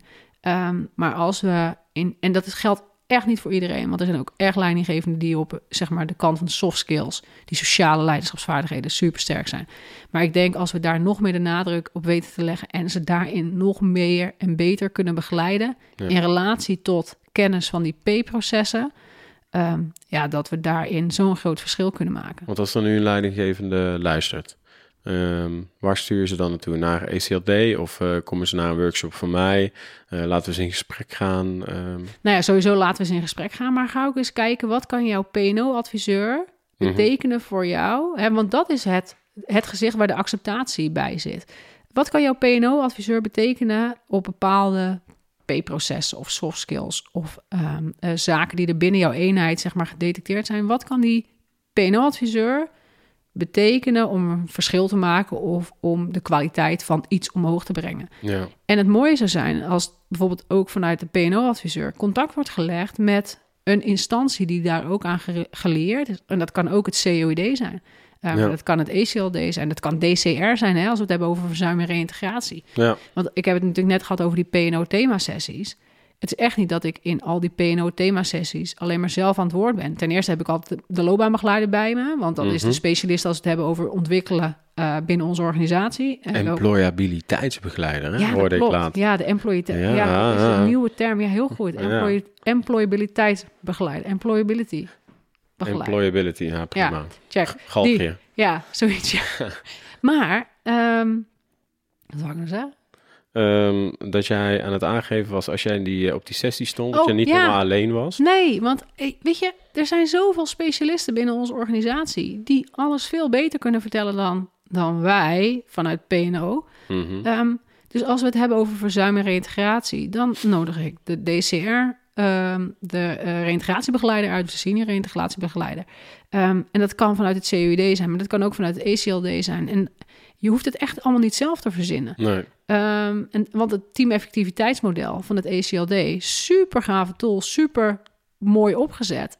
Ja. Echt enorm zinvol voor die leidinggevende. Daar heb ik zelf een workshop op gemaakt en eh, daar ben ik mee aan de slag gegaan. Eh, en die boekjes die ze hebben, fantastisch. Je hoeft het ook allemaal niet zelf te verzinnen. Er bestaat eigenlijk al heel veel. Het is ook gewoon soms dingen doen en in je netwerk gebruiken. Ja. Ja, ja, ja, wat ik wel heel mooi vind om te horen, dat jij eigenlijk het voorbeeld bent, eh, voor mij in ieder geval. Ehm, eh, jaren geleden ook eh, bij kwaliteit en innovatie in ieder geval, de afdeling bij DOSCO. Ja. Ehm, eh, ik weet de exacte visie en missie niet, die ervoor moet zorgen dat de kwaliteit van de PNO'er, dan wel de loopbaanbegeleider, Ja. eh, hun skills, hun vaardigheden geoptimaliseerd worden. ja. Ik hoop dat ik nu niet allemaal ruzie krijg met mensen, maar dat even in een korte. Ja. eh, en nou, heel lang zijn die trainingen.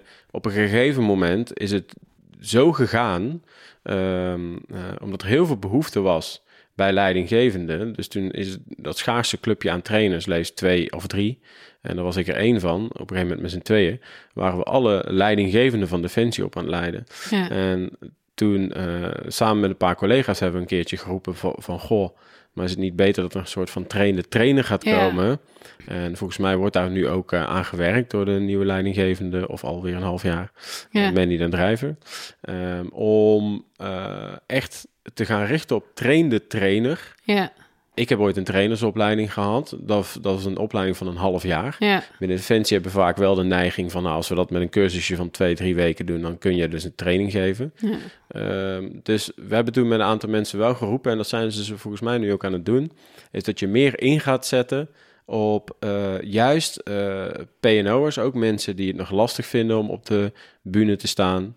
En uh, als een soort van linking pin, want dat ben ja. jij eigenlijk, te fungeren. Maar hoe doe ik dat nou? Want die mensen hebben die skills ook nodig. Ja. Je hebt het klaarblijkelijk in je bloed.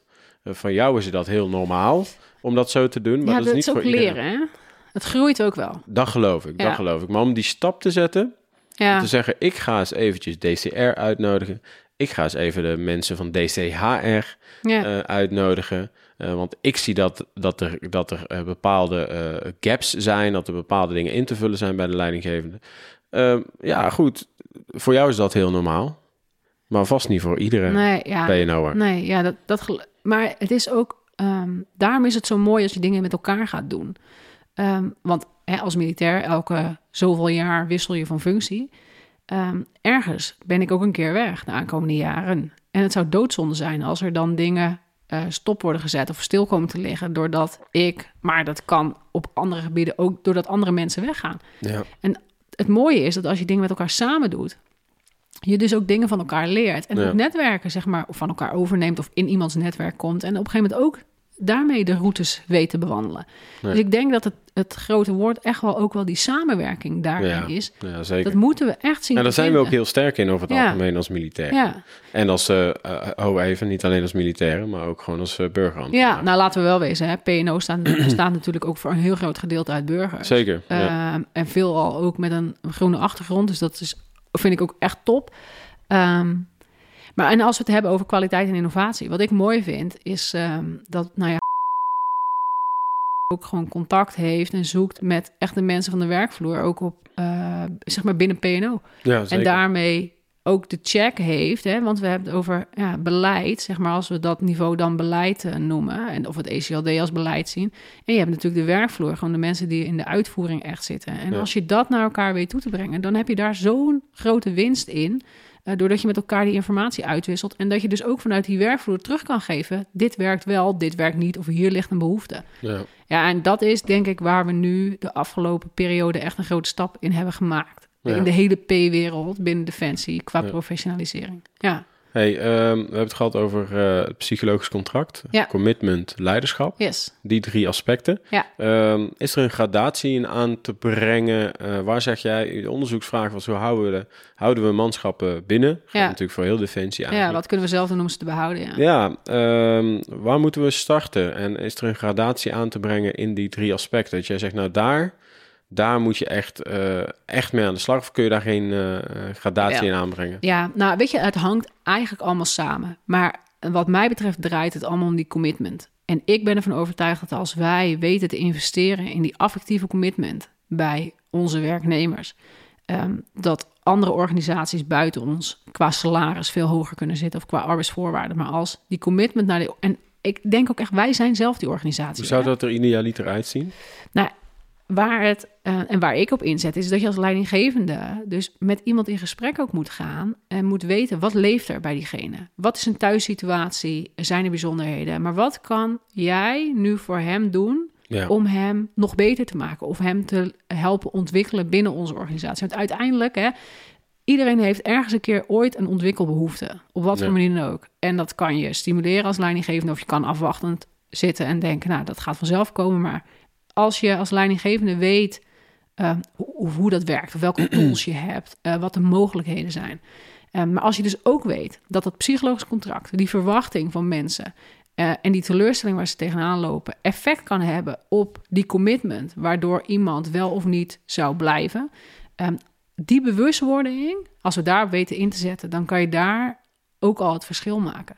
En als we het hebben over socialisatie, ja. Dan gaat het er eigenlijk om hoe, ga, hoe nemen wij mensen op binnen onze organisatie. Eh, en gezien het vullingspercentage, hè, het is 80% uit mijn hoofd. We hebben binnen Defensie 80% vullingspercentage en de klas ligt nog iets lager. Hebben we eigenlijk niet meer de luxe om te zeggen: laat maar eens zien dat jij bij ons kan horen. Eigenlijk moeten we in de wedstrijd zitten van top dat je er bent en wij gaan ervoor zorgen eh, dat jij bij ons wil horen Ja. en dat jij bij ons wil blijven horen. Ehm, en dat is ook wel een, een verandering van mindset die wel lastig is. Ik uh, zei wel eens voor de grap uh, in trainingen, Annemarie. Um, ik kreeg zo'n training met leidinggevende. Dat was de training voor de startende leidinggevende. Ja. En dan zei ik uh, gekscherend wel eens... Zo, nou, jullie zijn de, de ouders van jullie personeel. Ja. Keek zo aan, de ouders van mijn personeel. Ik zei, ja, ik zeg, jullie gaan over de vrijheid van je personeel. Over verlof en dergelijke. Ja. Dus jullie kunnen gewoon uh, het inperken van de vrijheid. Ja. Um, als iemand in zichzelf wil investeren, dan uh, gaan jullie daar een go of een no-go op geven. Uh, en zo had ik nog wat voorbeelden. En zaten ze te kijken van, wow, ja, daar heb je wel een punt inderdaad. Ik zeg, en daarnaast, je bent meer op je werk, ja. niet slapende, dan dat je thuis bent. Ja. Dus jullie zijn een vorm van, je hebt een relatie. En ik wil niet kleinerend doen, dat zijn jullie kinderen, maar zie het even zo. Uh, je kind ga je ook niet op een gegeven moment uh, zeggen van, nou, nu is eens klaar met ontwikkelen. Ja. En uh, zie, als je het zo ziet, eh, dan denk ik dat al die aspecten die jij net eh, benoemt, die ehm, eh, commitment en dat psychologisch contract, dat heb je met je kinderen toch ook? Ja.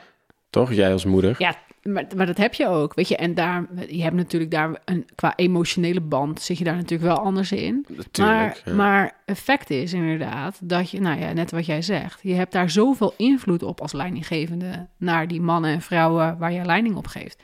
Het enige is wat, waar die leidinggevende, dat is natuurlijk wat ik veel terugkrijg, waar ze tegenaan lopen, is tijd. ja. En dan zeg ik wel eens, ja, geen tijd is geen prioriteit, maar dat is te kort door de bocht. Maar ja, zie het als leidinggevende allemaal maar eens in die 40 uur dat je er eigenlijk voor wordt betaald. Zie het er maar eens in te proppen. Ja, en ik ben het niet helemaal eens met wat je net zegt ehm, eh, over die prioriteit. Hoe zei je dat nou? Ja, geen tijd is geen prioriteit. Nou, ehm, dat niet kort door de bocht. Want in mijn optiek, als je, er, als je echt uitzoomt, daarna gaat kijken. ehm, Als wij allemaal structureel over onze grenzen heen gaan, of er zijn leidinggevenden die in weekenden werken of weet ik wat, die leggen de standaard voor de rest ja, van het bedrijf. Ik denk dat mensen eens op zouden moeten staan en heel hard prioriteiten moeten gaan stellen en zeggen: Ik wil er gewoon voor de mannen en vrouwen in mijn club zijn. En dan maar even eh, niet die oefening, want eh, er is heel veel ziekteverzuim. Of er, eh, die mensen mogen onderhand eens een keer ontwikkelen, want daar hebben we al zoveel van gevraagd. Ja. Leuk dat ze van boven wat willen. En ik snap, ik, ik, ik snap dat je dat zo zegt. Ik heb mijn pak uitgedaan. Ik kan het nu. Ik, ik zeg het gewoon, weet je, omdat ik Ja. dat gewoon vind. Dat is mijn mening. ja, Eh, en natuurlijk hebben we een operationele taak.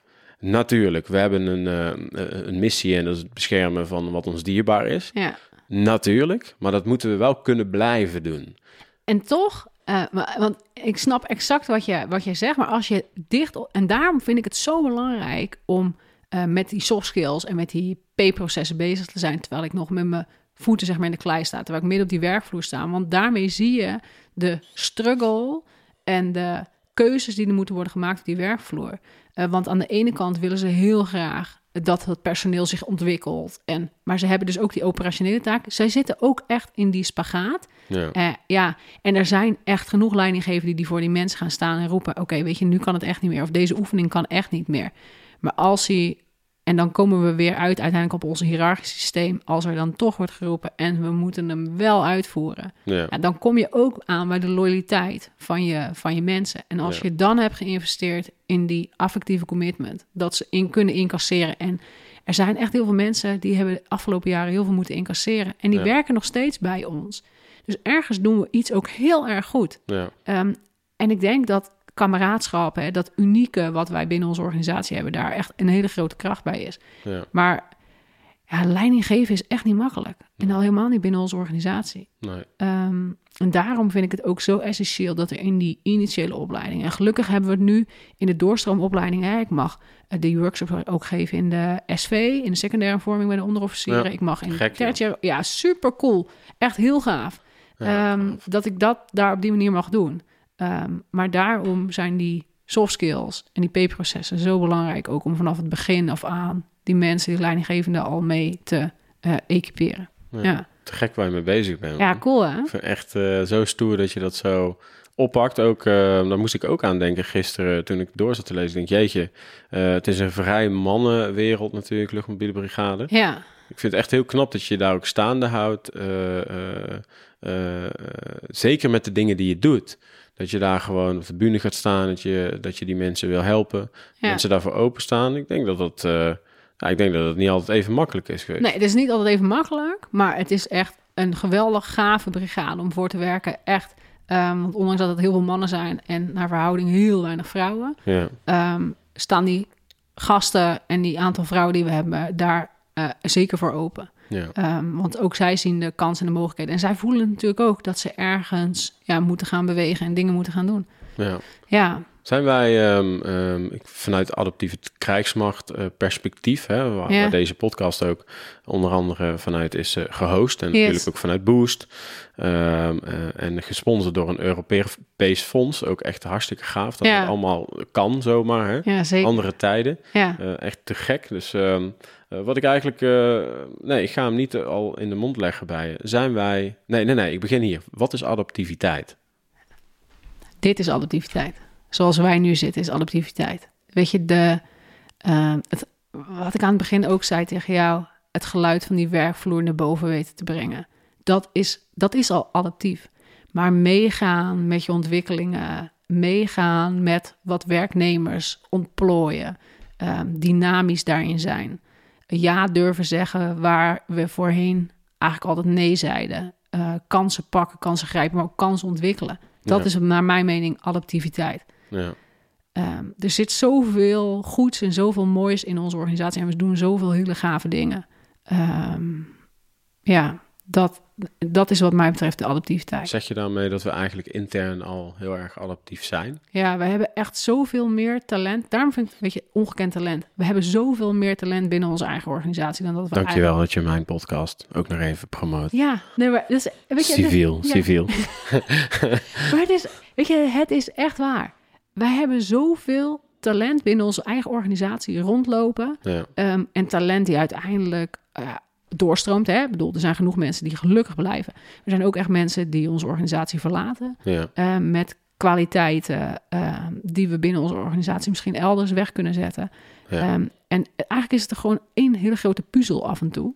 Ehm, en dan is het kijken waar kan je die kwaliteiten, waar kan je die competenties ergens binnen onze organisatie wegzetten.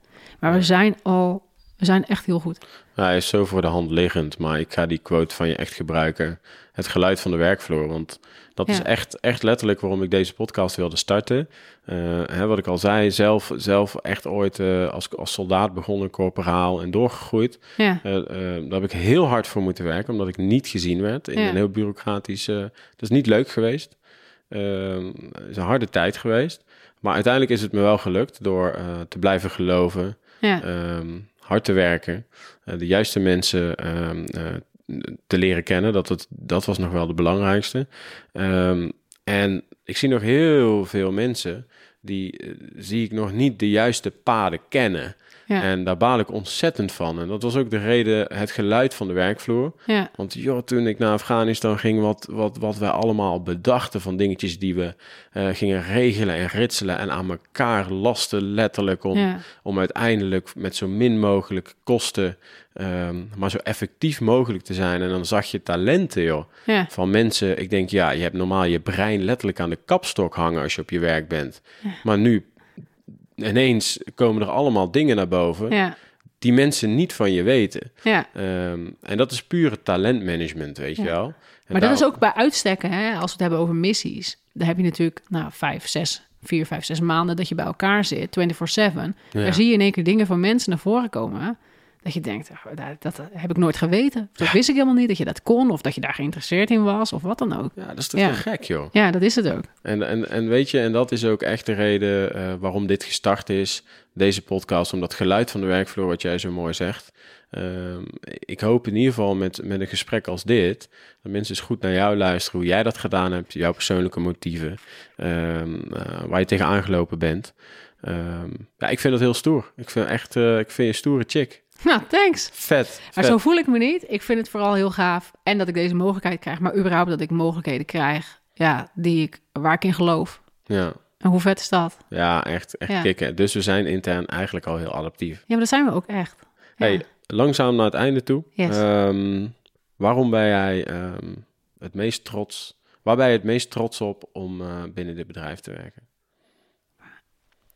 Ik ben het meest trots om dit pak aan te hebben. Daar ben ik trots op dat je eh, in 20 jaar dingen bereikt ehm, van soldaat zonder rangonderscheidingstekens op je schouder naar nu op deze manier zeg maar een bijdrage kunnen leveren aan, aan jouw organisatie. Ik voel het ook echt als mijn organisatie Ja, daar ben ik denk ik het meest trots op. Dat je ergens voor mensen het, daar ben ik echt het meest trots op. Dat je ergens voor mensen het verschil kan maken. Ja. Dat je, en het maakt me niet uit wie het is, ehm, wat hij of zij doet. Als je ergens voor iemand iets kan betekenen vanuit jouw rol, zeg maar, en ik in dit geval als PNO-adviseur, ja, dan vind ik dat echt geweldig. Ja. Ja, gaaf. ja. En als je daarmee zorgt dat je de organisatie weer ietsjes verder kan brengen. En dat is echt maar heel klein natuurlijk, hè, want laten we wel wezen, wat dat betreft ben je maar een heel klein schakeltje. Maar als je dat, als je dat doet, dan rij ik elke dag met plezier naar mijn werk. Ja, zeker. Zijn er nog dingen die, ehm, die ik gemist heb. We hebben het gehad over uh, deeltje jouw scriptie. We hebben het gehad over uh, soft skills, uh, hoe jij daar mee omgaat. de sessies die jij daarvoor opzet. Ehm, we hebben tussendoor een klein beetje. Hey, jij bent ooit op de werkvloer begonnen. Je bent zelf ja. ook heel veel in jezelf gaan investeren. Daar hebben we tussendoor een beetje over gehad. Zijn er nog dingen die je zegt van... God, Danny, die wil ik toch nog wel even heel graag benoemen? Um, grijp dan nu even je kans. Ja, nee, wat ik. Er is één ding die ik heel graag nog wil zeggen. En dat is, weet je, um, want je geeft me heel veel credits hè, tijdens dit gesprek. Um, en hoe gaaf het is. En, maar ik moet natuurlijk wel in de mogelijkheden worden gesteld. Want als ik dingen bedenk of als ik dingen ga doen en ik word ingeperkt of ik krijg de ruimte niet. Maar die krijg ik wel. Ja. Uh, dus mijn omgeving stelt mij in staat om te doen uh, wat ik doe en me te ontwikkelen zoals ik me ontwikkel. Dat heb je wel zelf gecreëerd, hè? Ja, maar uh, primair geloven die mensen dus in mij of in hetgene wat ik doe. Um, uh, en, en, en dat vind ik echt heel erg gaaf. En dat zijn mijn leidinggevenden binnen de P-organisatie, van hoog naar laag. Want de directeur die spreekt ook zijn vertrouwen daarin uit. maar mijn hoofd van de personeelsdienst ook. Maar het is ook die binnenkort trouwens ook in de podcast. Oh, nou, dan gaan we ook eens even praten over al deze mooie onderwerpen. Ja, en die man heeft echt geweldig ideeën. Ja, ja. nee, dat gaat ook leuk worden over een paar maandjes. Ga verder, sorry. Ja. Maar het is niet alleen de P-organisatie. Het zijn ook echt die operationele eenheden die hiervoor openstaan. En ook de bataljonscommandant of de commandant van 11 GNK... Um, die hierin zeggen, Annemarie, weet je, ik geloof in hetgene wat jij doet. Want ze weten ook niet hè, wat ze in huis halen op het moment dat ze mij voor een groep zetten. Ja. Um, maar ze laten die controle los en ze geven mij die mogelijkheid. En, um, en, dat wil ik nog wel even belichten, want het is niet alleen maar dat ik het doe, maar Mhm. dat mijn omgeving me in de mogelijkheid stelt om te doen wat ik doe. Ja, dat vind ik echt fantastisch. Ja. Dat ze daarmee hun vertrouwen uitspreken en dat ze daarmee dus ook aangeven hè, dat ze uh, dat ze willen gaan veranderen of dat ze willen investeren in hun eigen leidinggevende. Ja, ik denk dat daar ook echt heel veel credits naar voren mogen, uh, voor, voor mogen worden gegeven, naar voren mogen komen. Ja. Um, dat, dat die commandanten lef tonen en hun PNO-adviseur op die manier op de voorgrond zetten. Ja. Um, en ik zou het echt geweldig vinden als dat vaker gebeurt binnen de hele landmacht. Ja. ja. Nou, en de reden, ik wil het wel even benoemen, waarom je zegt, je geeft me allerlei credits. En dan zou je kunnen zeggen, ja, dat is karakter, omdat je een bevlogen figuur bent en je ziet het goede in de mens. Ja, dat ook, zeker. Tegelijkertijd um, heb ik zeker de afgelopen jaren geleerd, ook als trainer en coach, en zeker met een podcast ook, uh, dat het hem ook echt in die, en het zijn net een kleine schakel, uh, maar het zit hem in de kleine dingetjes juist. Hè? Ja. En het allerbelangrijkste um, vanuit sociologisch perspectief voor de mens, Um, is gezien worden. Ja. En um, um, ik vind dat we meer mogen benoemen als iemand echt de kop boven het maaiveld uitsteekt. Vind ik dat we echt wel uh, wat beter mogen worden met mensen benoemen van... hé, hey, bedankt man. Dat, jeetje, jij bent daar echt goed in. Jij doet toch gewoon. Ja. Echt te gek. Jij bent mensen aan het inspireren en ik zie het al aan jou. Jij gaat lachen en je denkt, ja, thanks, dat is fijn, weet je wel. Ja, die waardering. Ik, die waardering, ja. gezien worden, waardering. Dan kun je zeggen, ja, een militair bedrijf. Nee, ieder mens, of je nou uh, putjeschepper, uh, wat zei ik straks, nagelstiliste, ja. kapper of militair bent. Ieder mens vindt het belangrijk om gezien te worden. Zeker. Je, als militair ben je niet, niet een mens. Nee, Snap je? nee helemaal eens. Helemaal dus eens. daarom geef ik je die credit. Dank en heel vet dat je ook even al die mensen nog benoemd hebt die jou hebben ondersteund en jou in de mogelijkheid gebracht hebben. En um, ja, als jij uh, niets meer in te brengen hebt. Nee, denk dan, dat we wel genoeg gezegd hebben. Dan dank ik jou onwijs. Dank voor deze fantastisch leuke podcast. Vond je het leuk? Ja, ik vond het echt superleuk. Ja? ja? Ja, ik was aan het begin wel heel erg benieuwd. Ik dacht, hoe zal dat nou zijn? Dat je echt inderdaad met microfoons en koptelefoons tegenover elkaar zit. Maar dat is heel natuurlijk dit. Ja, toch? Ja, dat gaat Nou. prima. Ja. Nou, inmiddels uh, is mijn drankje ook leeg. Oh ja, die van mij Dus, nog niet. uh, Maar ja, ik was er zoveel aan. Oh, ja, ja, joh, je blijft maar praten. ja, joh, hou op, schij uit. Hey uh, Annemarie, um, waar kunnen mensen, uh, voordat ik het vergeet, dingen over jou vinden? Uh, hoe kunnen mensen uh, contact opnemen gewoon via de defensiemail? Ja hoor. Misschien beter dat je dat niet helemaal benoemt hier, maar in ieder geval via de defensiemail Ja. gewoon jou, jou opzoeken. Ja, of via LinkedIn, dat kan ook. En dan uh, kunnen ze daar gewoon vragen stellen als zij ook iets hiermee willen doen. Ja hoor. En laat zeker. mij het ook weten. Hè? Als er leads uitkomen, et cetera, dan uh, zou ik dat heel cool vinden. Ja, zeker. Ga Dankjewel. zeker. Jij dankjewel. Jo, Helemaal goed. doei. Yes, hoi. Zoek Samen Sterker podcast en luister of kijk via YouTube, Gpal, iTunes, Spotify of Soundcloud.